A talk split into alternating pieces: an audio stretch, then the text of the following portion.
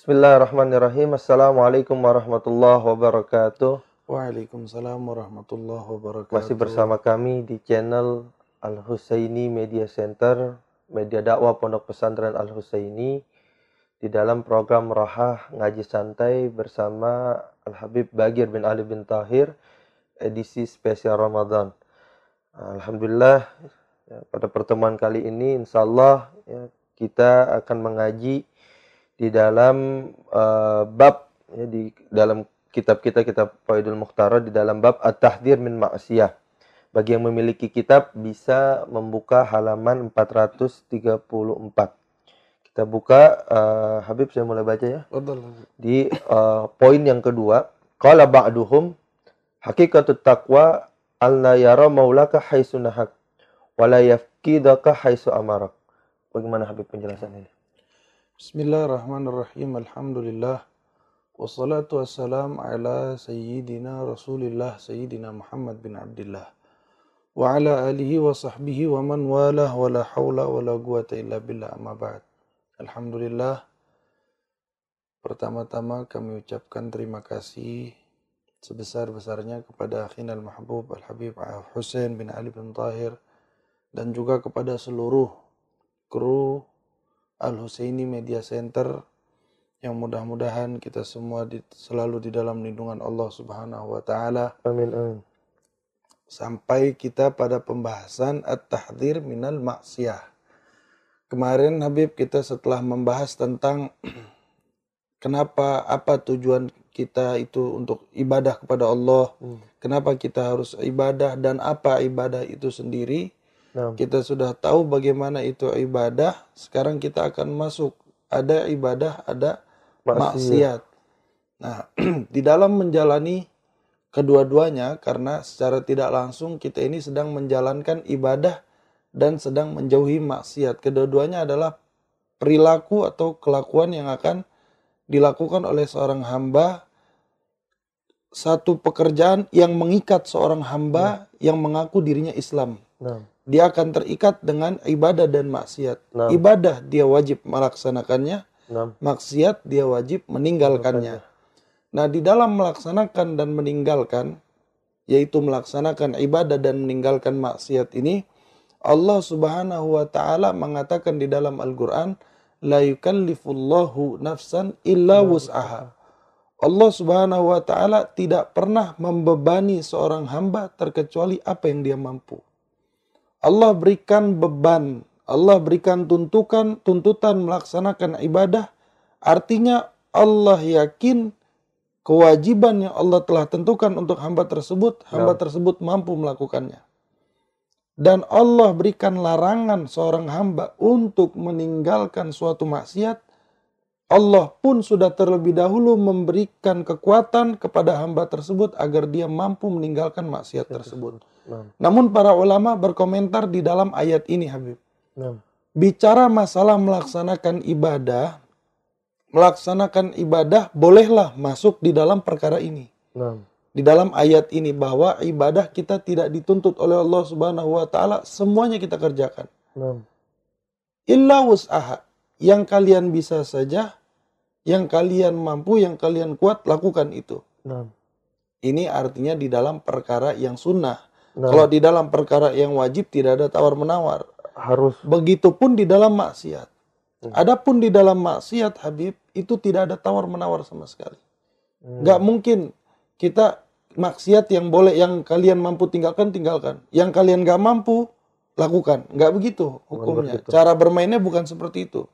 Cara bermainnya maksiat yang haram, ibadah yang wajib ini tidak masuk di dalam la yukallifullahu nafsan illa wus'aha. Kadang-kadang orang menyalahartikan dia nggak mau ibadah, dia nggak mau nggak mau dia nggak mau ibadah dia ngelakuin satu maksiat dengan alasan Allah Subhanahu Wa Taala itu tidak akan menuntut kita lebih daripada kadar kemampuan kita.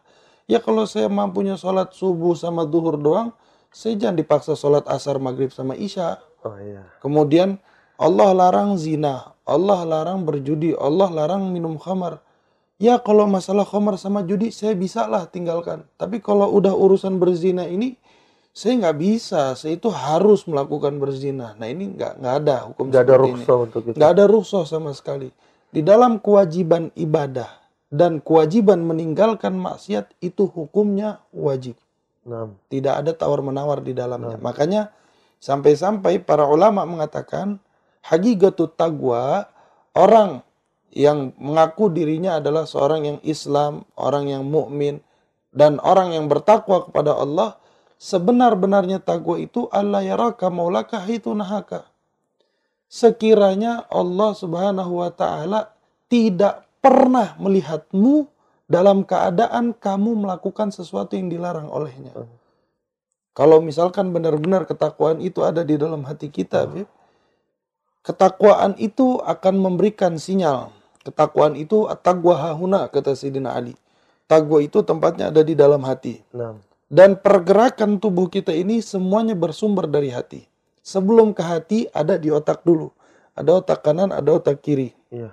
Nah, salah satu otak ini itulah yang akan memberikan jalur, memberikan pengetahuan kepada tangan, kepada kaki yang kita kenal dengan saraf-saraf itu. Nah, Nah, saraf-saraf tangan, saraf-saraf mata, saraf-saraf lisan, mulut, dan kaki, seluruh anggota tubuh ini kan ada saraf yang tersambung ke otak. nah, Seandainya salah satu otak ini mati, salah satu saraf ini rusak, nanti itu orang kena penyakit stroke namanya. iya.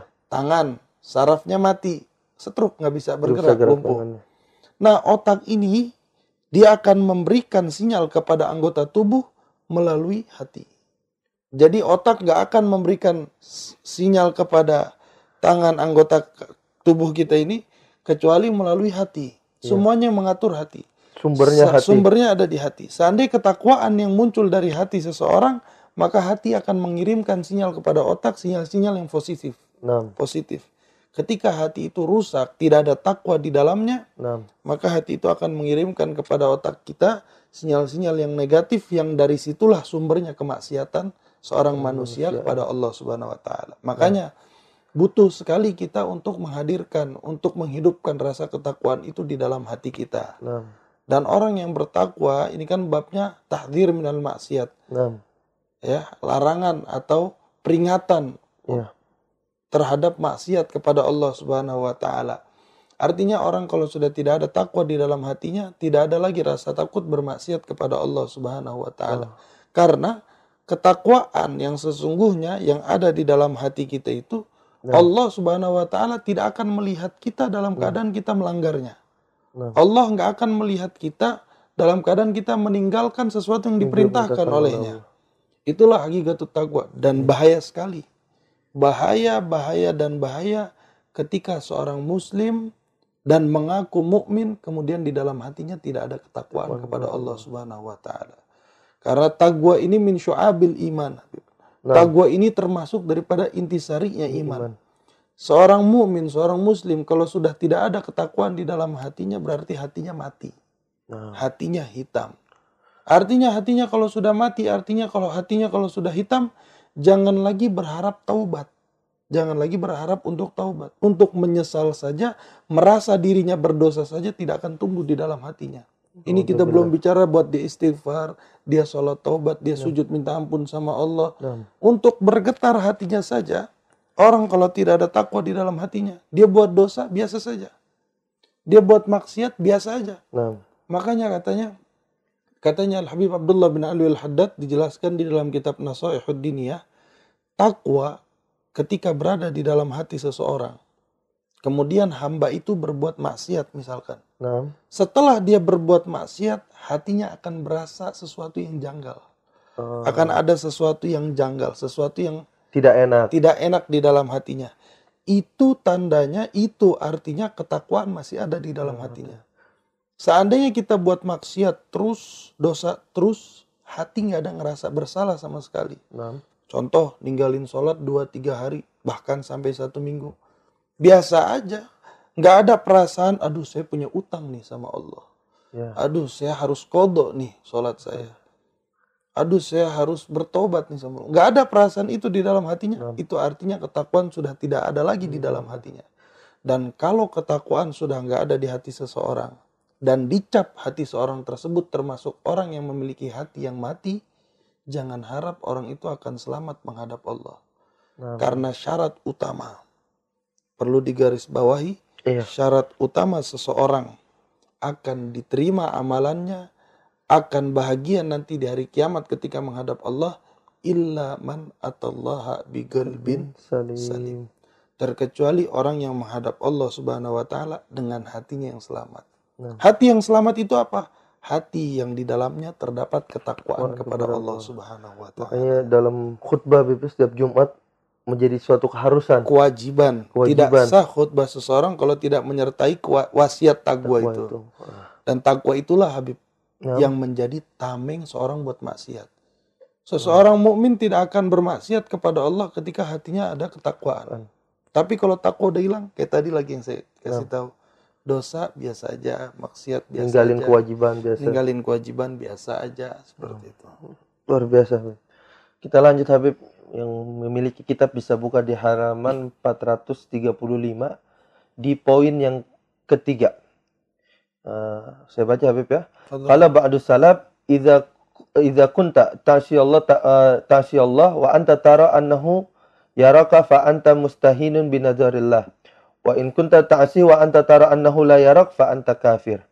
Bagaimana Habib ini? Nah, ini sampai-sampai para salaf di dalam penelitian batin mereka. Nah. Mereka itu yang diteliti bukan sesuatu yang dohir. Mereka bukan meneliti tanah, bukan meneliti air, bukan meneliti eh, ya yang berkaitan dengan sains lah IPA ini. Iya. Mereka nggak meneliti itu. Yang diteliti itu perkara-perkara hati, yang diteliti perkara-perkara maksiat, perkara taubat, perkara ibadah. Nah, Nah, di dalam penelitian mereka para para salafun salihun menghasilkan suatu statement yang mana mereka mengatakan idza kunta ta'sillah.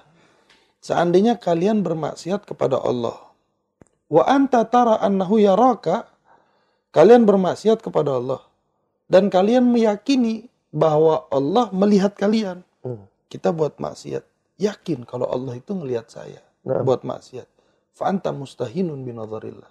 Allah. Secara tidak langsung kalian sedang menghinakan pandangan Allah. Kalian meyakini bahwa Allah itu sami'un basir, maha mendengar lagi maha melihat. Tapi bersamaan dengan maha mendengarnya, bersamaan dengan maha melihatnya, kalian meng- menghinakan penglihatannya, menghinakan pendengarannya. Dengan apa? Dengan kalian bermaksiat kepadanya. Katanya kalian meyakini Allah maha melihat, Allah itu maha mendengar. Kenapa kalian nggak malu ketika buat maksiat? Allah padahal Allah melihat. Padahal Allah melihat. Ya. Jadi orang yang buat maksiat dia yakin Allah melihatnya, berarti orang tersebut sedang menghinakan penglihatan Allah. Yang kedua, kalian bermaksiat kepada Allah. Wa anta tara annahu la yarak. Terus kalian meyakini bahwa Allah tidak melihat kalian. Saya buat maksiat Allah nggak tahu kok. Saya buat maksiat Allah nggak lihat kok. Saya buat maksiat Allah tidak perhatian Allah nggak akan gubris.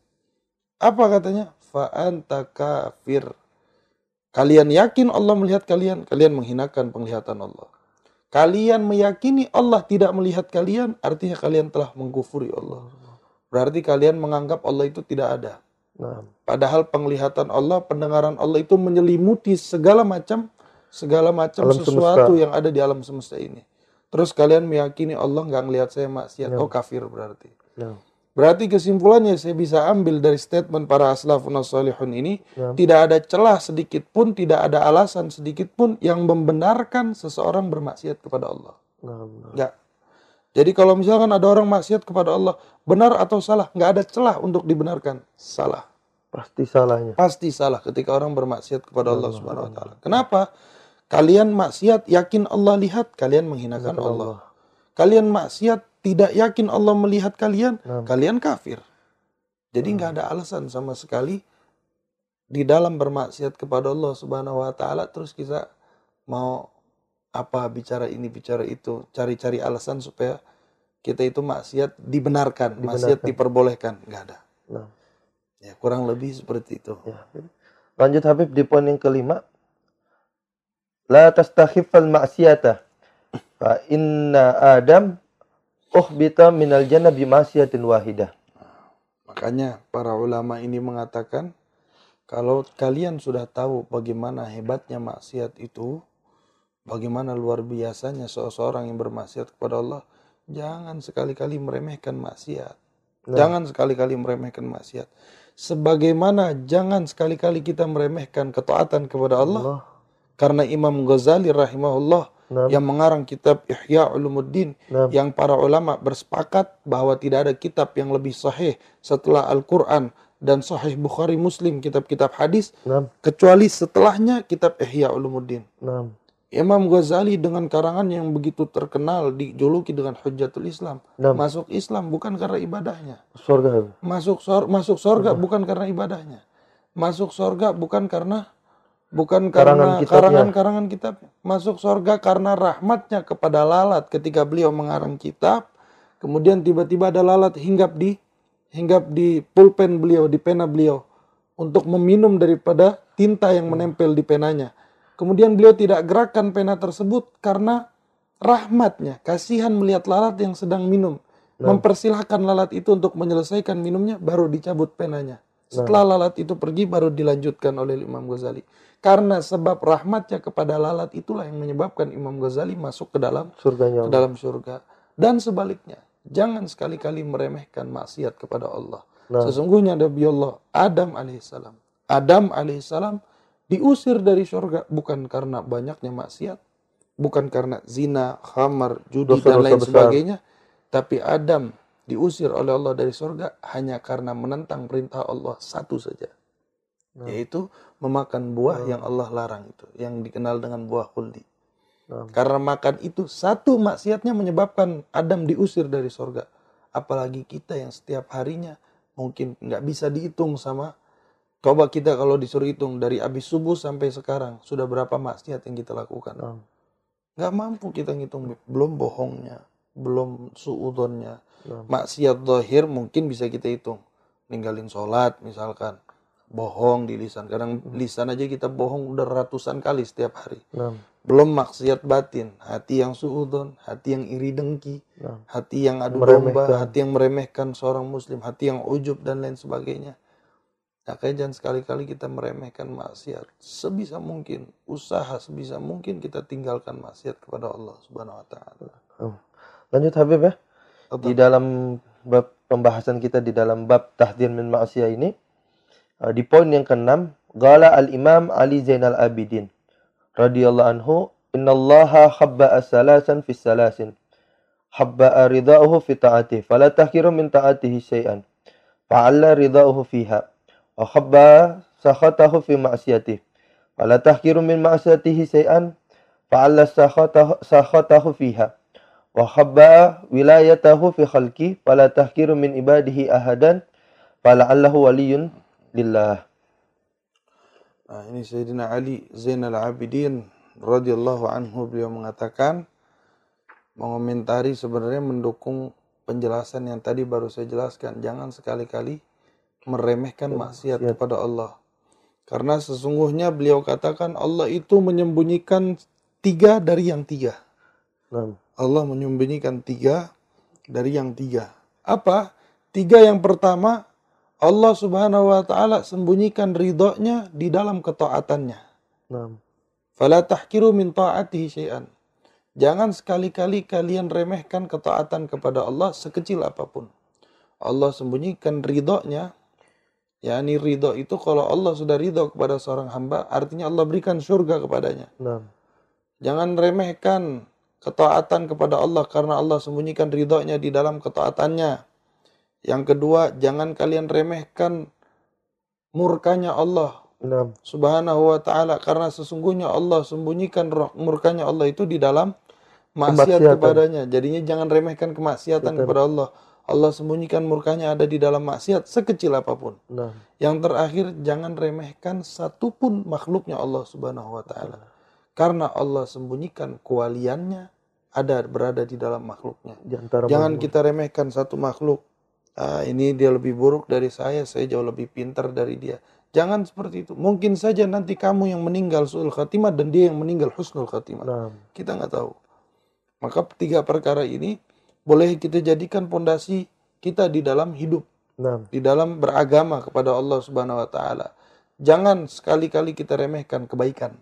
Jangan sekali-kali kita remehkan keburukan dan jangan sekali-kali kita remehkan orang yang ada di sekitar kita. Karena kebaikan kita boleh jadi sekecil apa pun kebaikannya itu akan menjadi ridhonya Allah. Keburukan kita sekecil apa pun keburukannya boleh jadi itu akan menjadi murkanya Allah. Dan sejelek apa pun orang yang ada di sekitar kita, Nah, bagaimanapun jahatnya mereka kepada kita, jangan sekali-kali kita meremehkannya karena boleh jadi Allah yang akan selamatkan dia dan Allah yang akan celakakan kita sebaliknya. Jadi kita ya, jangan bersikap seperti bersikap seperti itu, jangan sekali-kali kita remehkan. kayak contohnya tadi yang antum sampaikan kisahnya Imam Ghazali Habib. Iya, betul. Bukan dari karena kitabnya, bukan karena ibadahnya, tapi Allah ridho kepada Imam Ghazali cuman karena Rahmatnya kepada lalat. lalat. Sehingga Allah terima yang lain mungkin Habib ya. Ah, Luar biasa ini ya, tentang kita ngaji pada pertemuan kali ini di dalam At-Tahdzir min Ma'siyah. Mudah-mudahan yang apa yang beliau sampaikan semua kita bisa ya, amalkan dengan sebaik-baiknya. Insya Allah kita akan bertemu di pertemuan yang akan datang. Kurang lebihnya mohon maaf. Assalamualaikum warahmatullahi wabarakatuh. Waalaikumsalam warahmatullahi wabarakatuh.